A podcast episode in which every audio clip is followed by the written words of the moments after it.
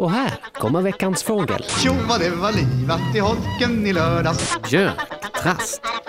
Björktrastar finns det mycket av i Stockholm. Inte bara där, utan på ganska många ställen. Ja, men ska jag säga, för Ja. att för ett halvår sedan började vi göra den här podden. Innan dess var jag väldigt, väldigt dålig på det här med fåglar. Men då började jag liksom se mig omkring väldigt mycket. Och så såg jag väldigt mycket just den här lite spräckliga fågeln som såg ut som en koltrast fast spräcklig. Då tänkte jag, är det honan eller någonting? Och sen gick du och jag i Humlegården och så frågade jag, vad är det för fågel? Och då sa du björktrast. Yes, Ja, vilken bitarna föll på anekdot! plats. Ja. Nej, nej men så är det väl, liksom att det, det är väldigt många saker som man ser när man är ute. Och sen när man inte vet vad de är så, så tänker man inte så mycket på dem. Men sen när man vet så har världen öppnats lite mer. Då ser man björktrastar överallt. Precis. Men ännu mer på våren tycker jag man har sett dem. Det är mycket på våren, men nu kommer vi in i en tid då det är mycket björktrast också. Ehm, hösten, då drar björktrasten ihop sig i stora flockar. Och ehm, drar runt och äter framförallt bär. Så att de är ganska vanliga inne i städer och nära människor. Där det finns ja, rönn, rönnbärsträd och sånt där. Och parker och liknande. Det kan vara mycket på hösten och på vintern. Okej, vad trevligt. Mm. Men utseendemässigt kan du hålla med om min beskrivning att det är en liten gråspräcklig koltrast så har vi checkat av den delen. Det kan jag absolut göra. Det är svårt att beskriva på ett tydligt sätt hur björktrasten ser ut. Det finns flera olika trastar som är lite spräckliga så här. Men björktrasten är grå på rygg och huvud och lite svartaktig på stjärten. Och eh, när den flyger så ser man också att den har vita vingundersidor. Det kan vara en ganska bra grej för att pussla ihop dem. Men den är väldigt spräcklig framförallt. Och den har liksom grått och svart och så den har den något rödbrunt spräckligt på bröstet och sådär. Så det är mycket som händer rent utseendemässigt på den här fågeln. Händer det mycket i livet också för björktrasten? Ja men det gör det nog. De är lite, lite nomadiska så här, eh, så här år. Så att de, de rullar med slagen och anpassar sig efter förutsättningarna. Så att ibland blir det jättestora flockar som drar runt på hösten. Och ibland så stannar de nära där de häckar och ibland så drar de längre. Så att det är mycket vad, vad miljön dikterar för villkor för dem. Eller rättare sagt årstiden just det här året då. Eh, som påverkar hur de flyttar. Så det låter som de har sett stora delar av Sverige. Men har de sett stora delar av världen? De har inte sett stora delar av världen. De är väl eh, klassiska, eh, våra svenska björktrastar då kan man säga. Är väl klassiska eh, Nordvästeuropa-specialister. Ehm, och vissa år så stannar de i Sverige och vissa år så är det stora mängder som lämnar. Och det har mycket med hur mycket mat det finns just den vintern då. Om det, om det är mycket rönnbär då framförallt. Rönnbär är festmat för björktrastar på hösten och vintern. Och vart lämnar de i sånt fall? Om Sverige inte duger för säsongen? Så kort som möjligt egentligen. Kanske Danmark? Kanske Danmark, Tyskland. Ibland kan det vara så att Åland? Åland kan nog hända, absolut. Ehm, Bornholm? Det är också Danmark men andra sidan. klar möjlighet. Men sen kanske också England ibland, att de flyttar. Brittiska öarna har ju ett mildare klimat på vintern. Eh, Så då kan det hända att de liksom inte flyttar söderut utan att de bara korsar över till England. Och, och så är det milt och så finns det mat att äta där för dem. Gud vad jag känner mig nära björktrasten. Mm. Jag reser gärna men inte så långt. Nej, Helst inte utanför Norden. Nej, men alltså, lite så. Man, de kanske har samma approach till sitt resande då, eller sin flyttning som jag tänker husvagnsägare eller husbilsmänniskor. Att de, bara det är tillräckligt bra väder Jag och sen måste inte bara längre. få säga att jag inte är en husbilsmänniska. Vill bara ta med den parentesen. Okej, Okej, fortsätt. mm, ja, absolut. Inte en sånt här vanlife. Du gillar inte det heller? Nej, jag tror inte det. Nej. Tror du att det är någonting för mig? Ja, absolut. Det tror jag är som gjord för det.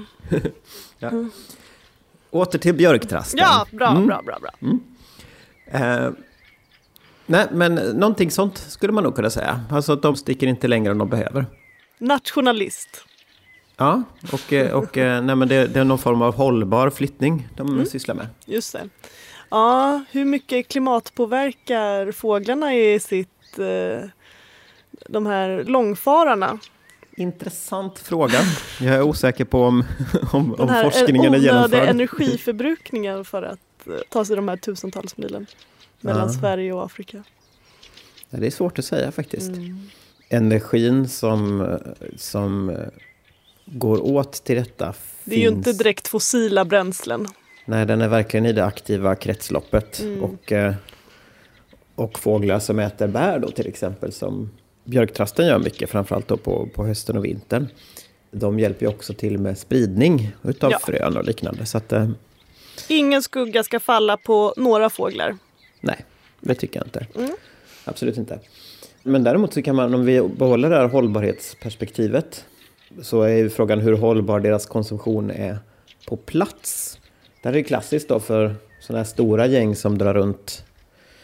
De hittar någon, eh, kanske någon park i någon stad där det finns ett gäng rönnbärsträd eller något torg eller någon plats i skogen. Och så äter de och äter och äter tills det är slut och sen drar de vidare. Okej. Du tycker det är orimligt? Nej, Nej. Jag tycker det låter det är ganska effektivt. Rationell att- approach. Ja, precis. Att man ska äta upp det man har på tallriken innan man får efterrätt. Ja. Men det här med matvanor kan vi ju dröja oss kvar vid. Det är ofta intressant vad fåglar äter. Och, Verkligen. Och jag tycker det var roligt förra veckan när det var nötskrikan. Mm. Och att den äter ekollon eh, i södra Sverige på vintern. Man vet inte riktigt vad i norr. Och sen har den en härlig, bra varierad kost på sommaren. Hur är björktrastens matvanor över året? Då kan man säga att deras kost varierar eh, med, med året, som du säger. Mm. Och eh, På tal om hållbarhet, det borde ju vår kost också göra. precis. Utan det, det är säsongens primörer från såväl växt som eh, djurriket som gäller för björktrasten.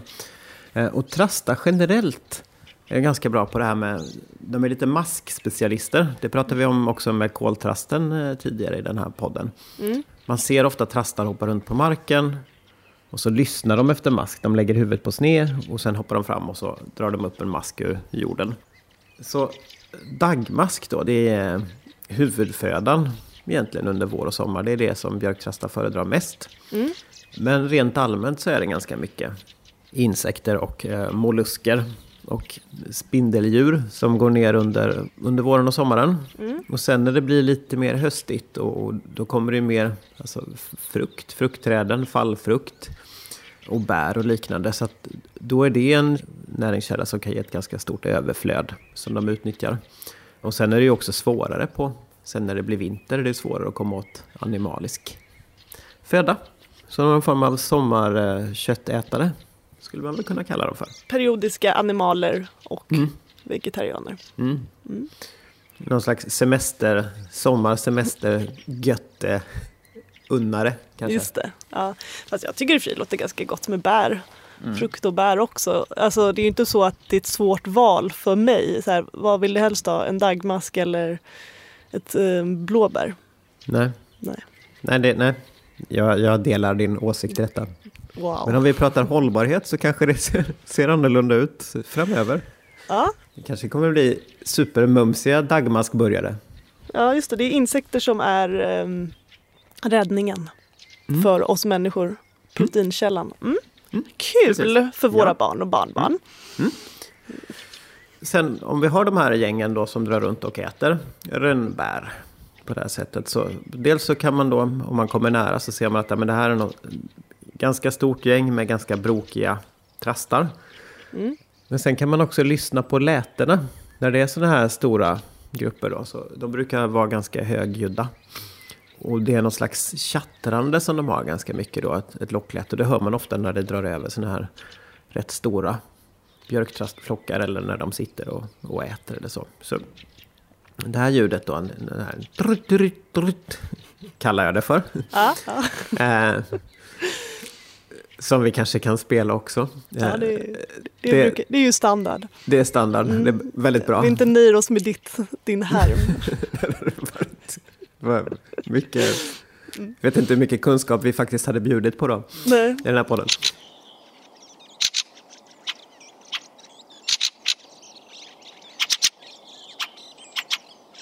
så kan man lätt känna igen dem. Och sen tänker jag att vi kan väl göra någon slags eh, jämförelse på vår Instagram där man kan titta lite på hur de olika brokiga trastarterna som man kan stöta på i Sverige ser ut. Ja, det är väl jättebra så att vi gör en liten guide så vilka som är lätta att blanda ihop. Och då är det alltså på veckans understreck fagel på Instagram. Precis. Där finns det också en liten duvguide som jag har gjort med läten och bilder. Om man vill ha koll på Sveriges duvor så kan vi tipsa om den också. Mycket bra. Och de här kommer ju komma också, de här andra trastarterna så småningom. Men vi tar björktrasten först då, för att det, det faktiskt den vanligaste trasten också. Till och med vanligare än koltrast. Mm. Men inte lika vanlig i svenskarnas hjärtan. Nej, precis. För det pratade vi om när vi hade koltrasten, att det är Sveriges populäraste fågel. Men den är ju så vacker också när den är helt svart och så oerhört vemodig vacker sång. Det bjuder inte björktrasten på. Nej, precis. Den här sången är väl lite mer, eh, ja vad ska vi säga? Lite tjattrig, den är inte ful, men den är inte sådär... Det skär Men- inte hjärtat när man hör den. Precis, det är inga jättestarka känslor som jag upplever när jag hör den. Men, men sen är ofta trastsång trevligt ändå.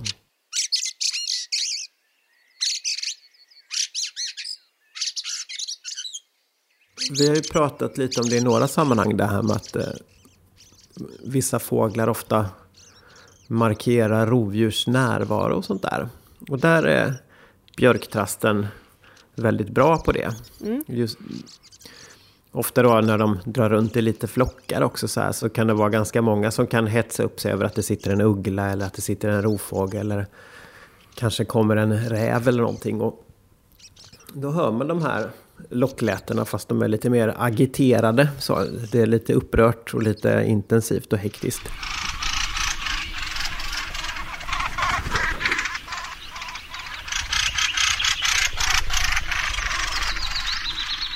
Och då kan man ju se det som att den kallar på en själv också. Bara wow, hörru människan, nu ska du få se ett coolt rovdjur. Verkligen är det så. Eh, Så de varnar ju varann och, och strategin verkar vara vad man visar för ett rovdjur att det är upptäckt. Så neutraliserar man hotet lite grann. Och, och, och det här brukar då dra till sig fler björktrastar så att de kommer liksom, jag vet inte om de riktigt mobbar men de markerar tydligt att vi ser dig. Eh, Så då kan vi haka på. Det är inte så att de kan varna för oss. Om jag kommer gående, som ju faktiskt är ett form av rovdjur. Den kan inte börja mobba mig och säga vi ser dig människa. Det kan nog vara lite mer att det blir lite upprört av det. Men ofta upplever jag att trastar drar iväg när man kommer nära. Snarare än att de ska visa för en att de har upptäckt den. Vi är så skräckinjagande. Att, Ja men verkligen. Det är ingen idé. Hellre Nej. fly än illa fäkta. ja. Tänk om alla hade levt som björktrastar. Vilken ehm, klimatsmart värld vi skulle leva i då. Det håller jag verkligen med om. Res inte i onödan. Ät efter säsong. Och ta hjälp av varandra för att uthärda vintern om det känns Ja. trist och tråkigt. Ja precis, istället för att åka till Thailand. Mys med varandra. Mm. Tjattra. Yes. Framförallt tjattra tycker jag. Mm, Ja. Det är nog det bästa.